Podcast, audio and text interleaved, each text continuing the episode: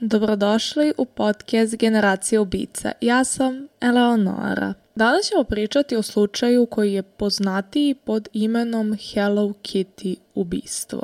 Ja sam pričala o ovom slučaju na mom kanalu pre 100 godina i Rešala sam da želim da se vratim nazad na ovaj slučaj, s obzirom da kada pričamo o slučaju Junko Furuta koji sam obrađivala pre par nedelja, možete ga pronaći na svim platformama, um, nema ga na YouTube-u. Nekako se uvek uz Junko Furuta spominje i Hello Kitty ubistvo, zato što su neko okolnosti pod kojima su se ovo ubistva desila dosta slične. Mislim, nisu baš toliko slični, ali brutalnost uh, ovih slučajeva su slična i to je razlog razlog zašto se e, toliko često i upoređuju. Tako da sam rešila da danas pričamo malo o um, ovom užasnom ubistvu.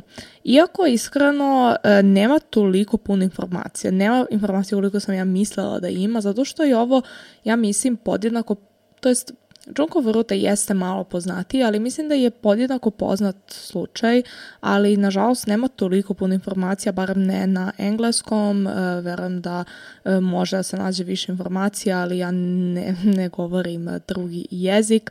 Ako e, prevodim preko nekih prevodioca, plašim se da prevod neće biti dovoljno tačan da bi to mogla da kasnije prenesem u podcastu, tako da ćemo danas pričati o informacijama koje jesam pronašla i koje sam uspela da nakupim i saznam, tako da da, možemo da počnemo.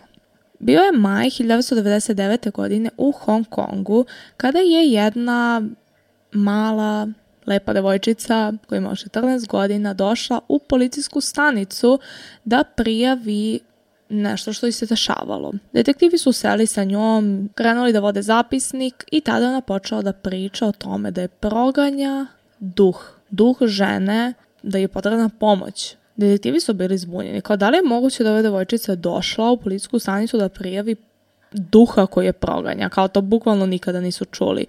Međutim, kada je ona nastavila da priča o tom duhu i ko je ta žena koja je proganja, rekla je da je ona pomogla da muči i ubije tu ženu godinu dana ranije.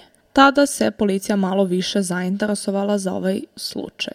Pošli su sa njom do njenog stana gde se dešavalo ovo uhođenje duha, stan u Hong Kongu u Granville Roadu i otkrili su ono što mnogi stručnjaci, policajci, okati smatraju najgnusnijim i najodvratnijim zločinom u Hong Kongu skoro jednoj deceniji. Hong Kong inače je grad koji ima visoku stopu kriminala, ali ne nasilnog kriminala u smislu ubistava i sličnih stvari, tako da je jako čudno da se ovako nešto užasno desilo baš u Hong Kongu. Policija je pronašla jednu lutku, e, plišanu igračku. Plišana igračka je bila skoro iste veličine kao i sama devojčica, znači ogromna plišana igračka koja je bila Hello Kitty igračka koja je imala kao glavu Hello Kitty, ali telo sirene. Znači polu Hello Kitty, polu sirena. Ova lutka sama po sebi je jako jeziva, meni lično. Um, činjenica da se u toj lutki, toj plišanoj igračci nalazila glava žene koja je bila brutalno mučena i ubijena je ono što ovu lutku čini još strašnijom.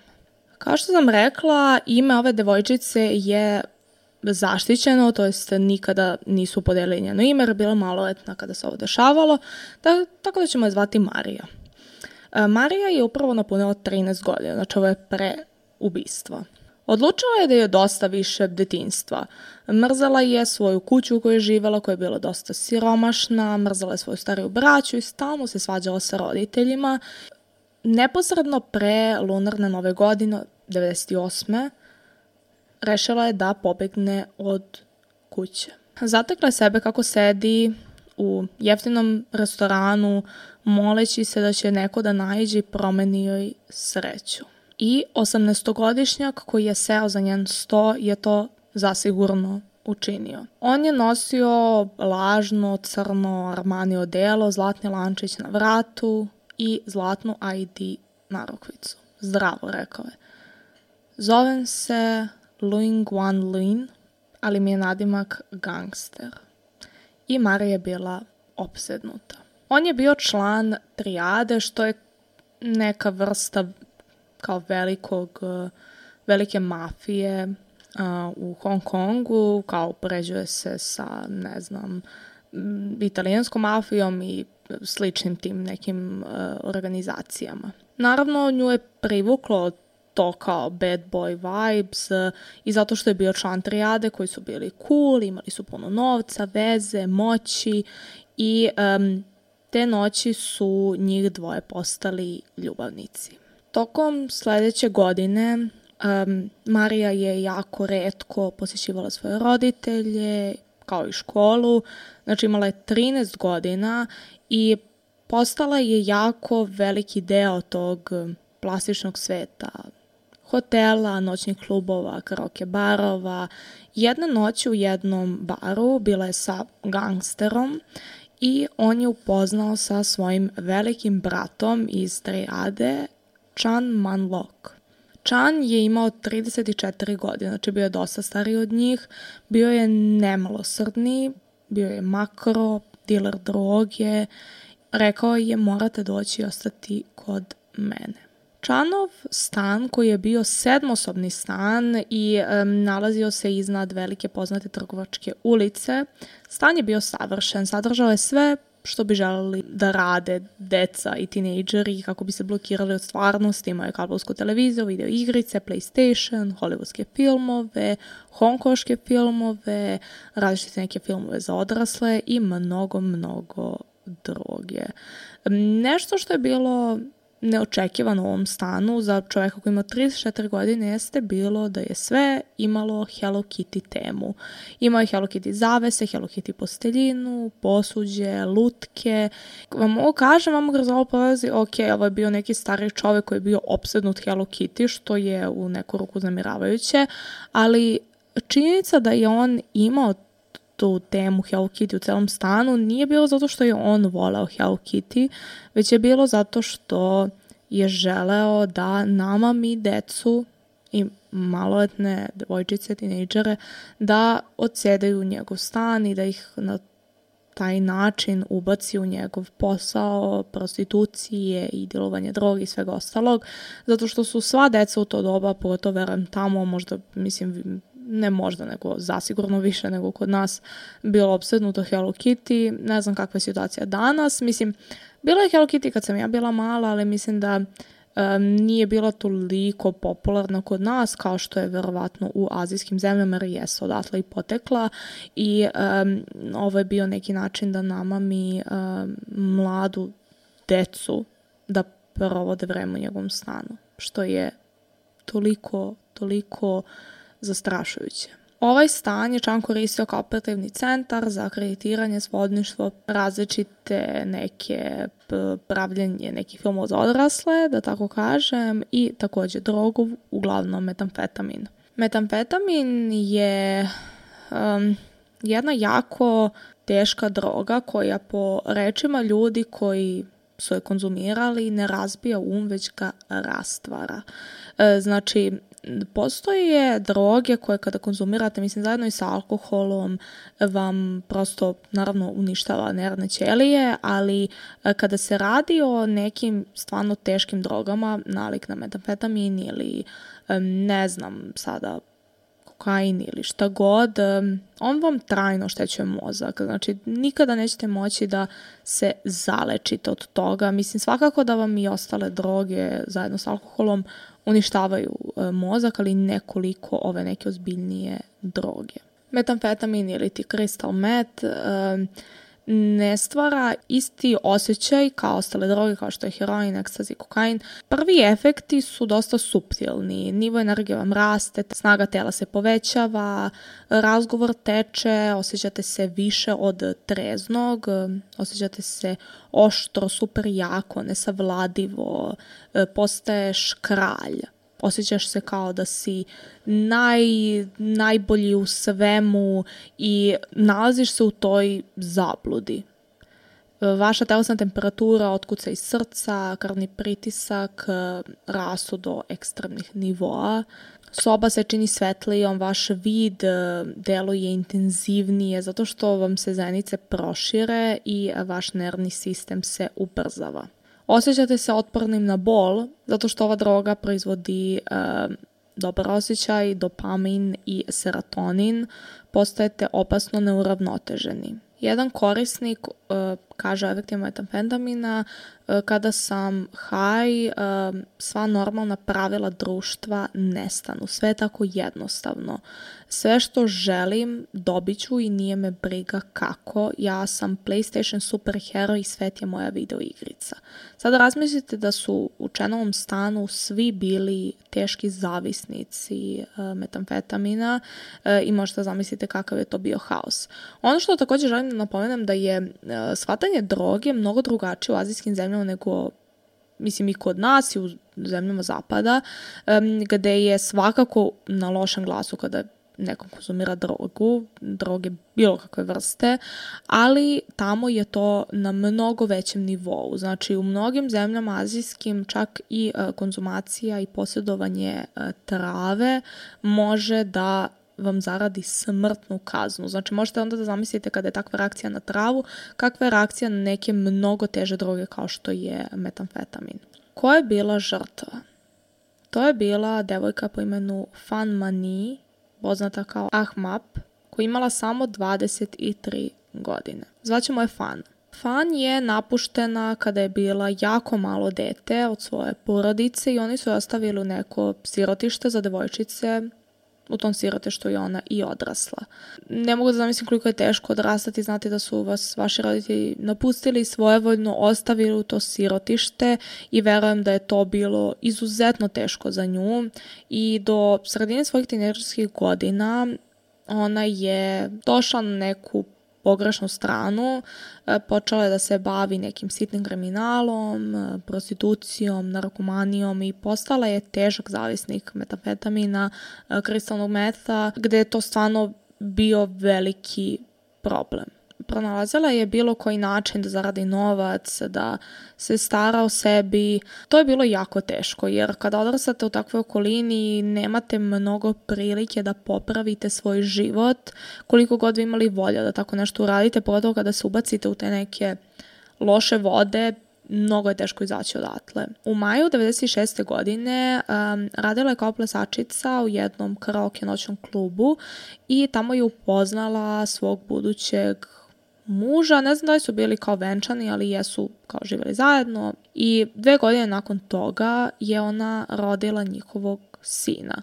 I ovo nije bilo, nije bilo planirano trudnoća, ali kada je zatrudnila i kada je shvatila da sada više njen život nije samo njen i da e, drugo živo biće zavisi od nje, ona je rešila da se očisti od droge i da stvarno preokrene svoj život potpuno za svog sina. Međutim, njen muž s kojim je živela je takođe imao problem sa drogom i on nije bio na istom planu kao i fan. Um, nije želao da ostavi drogu za njihovu porodicu i kada ste vi težak zavisnik i neko oko, dva, oko vas konzumira to čega ste vi zavisni, uh, jako je teško izdržati da se ne vratite tom vašem poroku šta god to bilo, znači zamislite sad, ajde da ne pričamo o drogi, možda neko od vas više razume, na primjer, cigarete, ako ste zavisni od cigareta i želite da prestanete da pušite, ali oko, ljud, oko vas ljudi non stop puše, bilo bi jako teško da ostavite to i tako je bilo i za nju um, i um, metamfetamin. Ona je radila po različitim nekim klubovima, barovima koji su bili e, i striptease barovi i um, ne znam, različite neke ustanove i uglavnom su njeni klijenti bili članovi trijade i um, bila je okružena tim svim stvarima 24-7 i neko mislim da je i navikla na situaciju u kojoj se našla. 97. godine dok je radila u jednom bordelu um, koji se zvao Roman Sevilla, prvi put je upoznala Čana. On je bio njen klijent, Bili su zajedno više puta i zajedno se i drogirali. I sve je bilo ok dok Fan nije ukrala Čenov novčanik u kome je bilo 4000 dolara.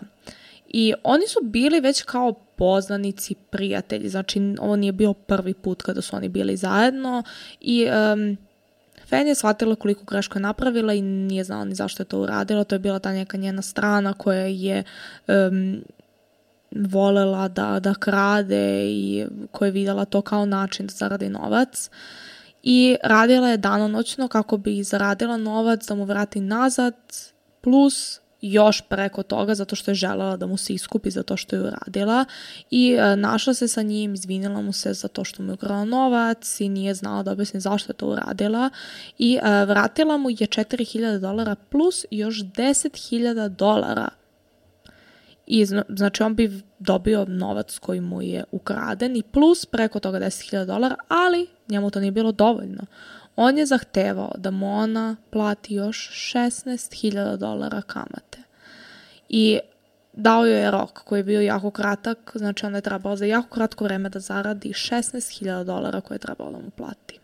Što bi naravno bilo izuzetno teško. Kada je prošao taj, ne znam, rok, kada je ona trebala da plati novac, a novac nije imala, um, to je bio 17. mart 1999. godine, Čan je naredio svojim saučesnicima da otmu fan iz njenog doma. To su bila dva čoveka koji su uh, bili saradnici, uh, Lung Shin-ho i gangster o kojem sam malo pre pričao, koji je bio momak uh, Marije, ili ti devojčice. Plan je bio da oni otmu fan i da je zatvore u stan taj Hello Kitty stan i stave da se da radi, e, da se bavi prostitucijom i da uzimaju svu njenu zaradu dok ne isplati njen sve veći dug.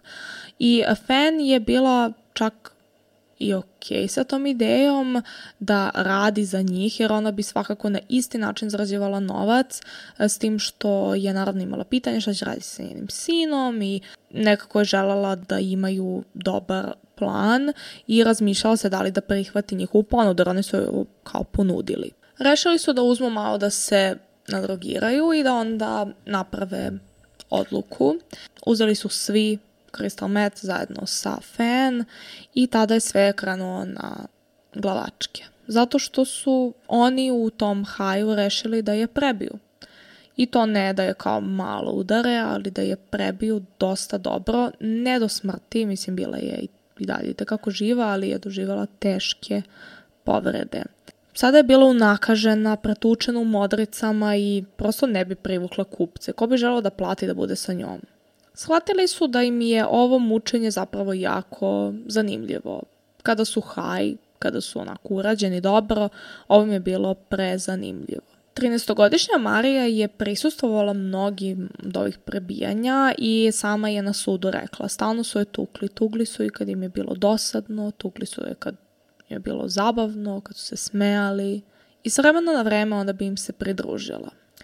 S tome što je rekla da joj se svidela Fen i da su se dobro slagale, na sudu je pričala kako je takođe zlostavljala, kako je izgorala više puta, udarala je sa ostalima i kada su je pitali zašto je to uradila.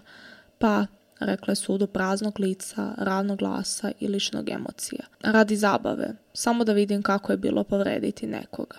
U nekim trenucima njeni mučitelji bi se smejali, fan na sav glas, pretvarali se da su srećni dok su je tukli i Marija je rekla, to je bila igra koju su igrali. Fan je bila primoran da se pretvara da je srećna i da se smeje, jer da to nije radila, tukli bi još jače. Terali bi da se smeje i smeje dok je spaljuju, bila je zabavna atmosfera. Kuhinja je postala arsenal um, mučitelja. Našli su za upotrebu skoro svaki uređaj, začin i sve u kuhinji. Uh, uzimali bi slamke za piće plastične koje bi palili i onda pritisnuli ventilator tako da bi plastika kako se topi kapala otopljena na kožu fan dok se ne bi pojavili plikovi i dok to te rane ne bi zagnojile. Kada su se umorali od toga, onda su i direktno palili kožu, zatim je tukli štapom, na rane su i polivali čili ulje, takođe bi je terali da pije to čili ulje i sipali joj u oči Mislim, zamislite, meni prosto kad pričam o ovim mučenjima, isto kada smo pričali o Junko Faruta slučaju, prosto mi je neverovatno da neki ljudi, kao ljudska bića, rade ovakve stvari drugim ljudskim bićima i da im se to dopada. Kao da li je ovde samo uticaj droge, da znamo da ima ljudi koji bez uticaja bilo kakve droge um, rade slične neke ovakve stvari, ali meni je ovo toliko neverovatno i neverovatno mi je da ih je droga kao naterala na to, da oni sami nisu želi to da rade. Često bi joj urinirali na lice, usta i radili sve kako bi je ponizili dodatno. Ponekada kada nije bilo čega gledati na televiziji, oni bi um, vezali uh, fan električnom žicom i uh, okačili je za kuku o plafon i uh, tukli gvozdenim šipkama. Onda bi, kada im to dosadi, ostavili da visi tako preko noći. Kada bi im više dosadilo mučenje, ostavili bi tako da e, visi e, van svesti ili ostavili na podu vezanu dok bi oni otišli da igraju igrice. Bila je slomljena i igranje sa njom posle toga nije bilo toliko zabavno, rekla je Marija, ali ipak smo nastavili, nije bilo šta drugo da se radi. Nešto što je takođe uznemiravajuće u ovom samom slučaju jesu novine e, u Hong Kongu koji su objavljivali neke animacije e, fan. Animacije u kojima ima neku vrstu kao lica nekih japanskih videoigrica, ima telo uh, azijatkinje vezano selotejpom i podvrgnuta surovom sadizmu. Bukvalno su seksualizovali fan u novinama ovim nekim kao animacijama koji su ljudi pravili, što je toliko strašno jer se radi o toliko užasnom ubistvu i mučenju koje je u novinama seksualizovano. Mislim, ja, ja prosto ne mogu da se načudim toga. Glavni tužilac je rekao, ovaj slučaj mi je oduzeo dah. To je najružniji, najzlobniji slučaj koga mogu da se setim. Nisu samo činjenice mračne, već i likovi uključeni. Izgleda da su potpuno bez ikakvih normalnih ljudskih emocija. Kada su ga pitali šta se dogodilo umovima ovih mučitelja. Mislim da su poludeli da toga nisu bili svesni. Živeći zajedno u tom stanu pod drogom, počeli su da veruju da je njihov svet bio normalan. Imali su pored sebe samo podjednako poremećenu osobu da meri njihov osjećaj za ljudsku pristojnost. Mučenje za njih postalo igra, u njihovim izopačenim umovima to je postalo prihvatljivo. I kada razmislimo da su um, ljudi pravili ove neke animacije fan nakon hapšenja, pitam se da li je iko normalan od ljudi koji su čuli o ovom slučaju. Mučenje je sada trajalo skoro mesec dana. Marija se probudila jednog dana i pronašla je fan mrtvu. Videla je, videla da ne diše i bila je jako uplašena. Fan je poslednje dane svog života provela na podu kupatila, ignorisana i preminula je tokom noći. Marija je bila u šoku. Um, bila je, mislim, jeste ona bila ne baš toliko mala, ali ona uopšte nije shvatila da je Fen mrtva i nije shvatila da ono šta su oni njoj radili bi je ubilo i bila je u šoku. E, Chan joj je objašnjavao da je sve okay, da se ona predozirala, da se Fen predozirala od droge koju je konzumirala i da nije zapravo, da oni nisu odgovorni za njenu smrt. Cijelo popodne oni su razmatrali o tome šta da rade sa telom, ali bili su nesposobni da donesu odluku. Tako je fan ostala na podu. Oni su otišli da, da idu da igraju video igrice i u obližnju arkadu i vratili se nazad kući, legli da spavaju i Leš je ostao tu gde je i bio. Sledećeg dana Chen pod uticajem um, metamfetamina okupio svoje ljudi i rekao sad ono mora biti uništena. Rešili su da moraju da se otarase njenog tela, ali nisu znali kako to da odrade, tako da im je pao na pamet da bi bilo najpametnije da rasparačuju njeno telo, što je jedan jako težak posao i um, jako mali procenat ubica, čak i serijskih ubica rade to, zato što zahteva mnogo vremena i serijski ubice bi ovo češće radila zato što oni zapravo uživaju u tom procesu. Njima je trebalo, znači trojica odraslih muškaraca, trebalo im je 10 sati kako bi raspračali fenino telo u kadi. Koristili su testeru i znali su da moraju nekako da se otara se delova tela zato što ne mogu kao da ih bace negde jer će krenuti da se raspadaju i osjeća se užan smrad, niti su mogli da čuvaju u stanu. E, tako da su e, neke delove tela kao što su organi slično stavljali u kese i stavljali u frižider i zamrzivač. Oni su rešili da ostale delove tela iskuvaju, zato što onda neće smrdeti na raspadnuto telo. Marija kaže da se jednog jutra probudila i da je jedan od uh, njih trojice dao plastičnu kesu koja je sadržala iskasapljena creva. Fen. Rekao je idi pokri vrelom vodu da prestanu da smrde. Kasnije, dok je jedan od njih kuvao glavu, pozvao je Mariju, rekao dođe vamo pogledaj. I ona nije žela uopšte da priđe, rekla ne, uplašena sam. Samo se pretvara i da gledaš televiziju, rekao je. Tako je učinila. Kada sam pogledala u lonac, videla sam lobanju kako ključa u vodi. Izgledalo je kao ono što smo videli u filmu. Oni su dane provodili u tom stanu dok su prvo rasparčali njeno telo, zatim kuvali sve delove tela, znači oni su dane proveli u tom stanu ne izlazeći napolje i sedeli su, jeli sva tri obroka tu za stolom u kuhinji u kojoj su se kuvali njeni delovi tela. E, zamislite ovu scenu, znači imamo ono kao šporet, ringle, na jednoj ringli se kuvaju delovi tela ove mlade žene, a pored oni kuvaju nudle koje će da jedu. I uzeli bi kašiku koje mešaju nudle i mešali u lonac u kome se nalaze njeni delovi tela. Znači oni bi bukvalno sa istom kašikom mešali njene delove tela koji su se kuvali kao i hranu koju će upravo da pojedu. Što je nešto najodvratnije, ali me uopšte ne čudi zato što su ovi ljudi toliko odvratni da me ovo čak i toliko ne čudi. Glava je bila najveći problem zato što su imali sada ovu lobanju, uspeli su da skinu što više su mogli sa, sa glave i nisu znali šta da rade, tako da su rešili da sakriju glavu unutar džinovske lutke sirene Hello Kitty i zapravo su ušili glavu u lutku kako se ona uopšte ne bi pomerala. I ovaj slučaj se tako i, mislim, odatle i naziv uh, Hello Kitty uh, ubistvo.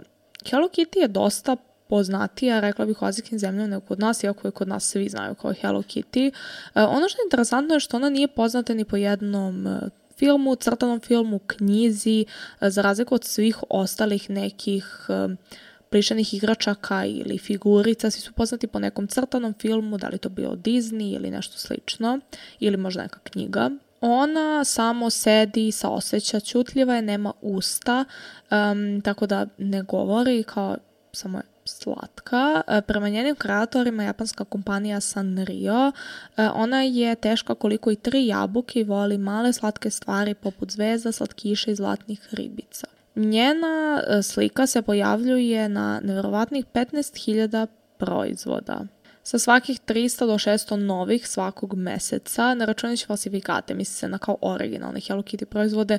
Mislim da kod nas ne postoje originalni Hello Kitty proizvode, mislim da su to sve falsifikate, tako da ne mogu da zamislim koliko ima kao generalno svih stvari Hello Kitty na svetu. Znači, Marija je bila ta koja je uh, ispričala šta se desilo i uh, bila je na suđenju i sudila protiv ovo trojice muškaraca, a uh, motiv za ovo priznanje jeste bilo to što je ona mislila da je fan opseda ili je stvarno opsedala. Uh, znači, njih trojica su uhapšeni i posljednjeg dana suđenja kad je izrečena presuda ubistvo iz nehata, a ne ubistvo. Porota je izabrala ubistvo iz nehata zbog mogućnosti da je uh, fan uh, doprinela svojoj smrti drogom koju je konzumirala. Uh, nisu mogli zbog jel te, mislim, situaciju u kojoj se našlo njeno telo, da uh, odrade obdukciju, da uopšte utvrde koji je bio uzrok smrti, da li je bilo predoziranje ili mučenje koje je doživjela, ali mi je prosto verovatno da se to uopšte dovodi u pitanje u ovom trenutku, jer kao oni su je mučili mesec dana, da li, je to, da li to nije dovoljno? Kao, da li bi preminula da se to mučenje nije desilo i zašto uopšte to dovodi u pitanje? Međutim, ova trojica muškarca su svakako dobili doživotne kazne. To je bio 7. decembar 2000. godine, uh, suđenje je počeo 20. oktobra kada su trojice muškarca osuđene za ubistvo. Iako porota nije mogla da presudi da su muškarci nameravali da ubiju Fanu, utvrdili su da je ona umrla od posledica njihovog zlostavljanja. Tokom suđenja Chan i Leong su negirali da su ubili Fan, iako nisu porecali da su raskomadali njeno telo, dok je gangster svedočio na suđenju zamenu za imunitet. Sudija, koji je trojicu osudio na životni zatvor, uz mogućnost osnovnog otpusta izjavio je Nikada u Hong Kongu posljednjih godina sud nije čuo za takvu surovost, izopačenost, bešćutnost, brutalnost, nasilje i zlobnost.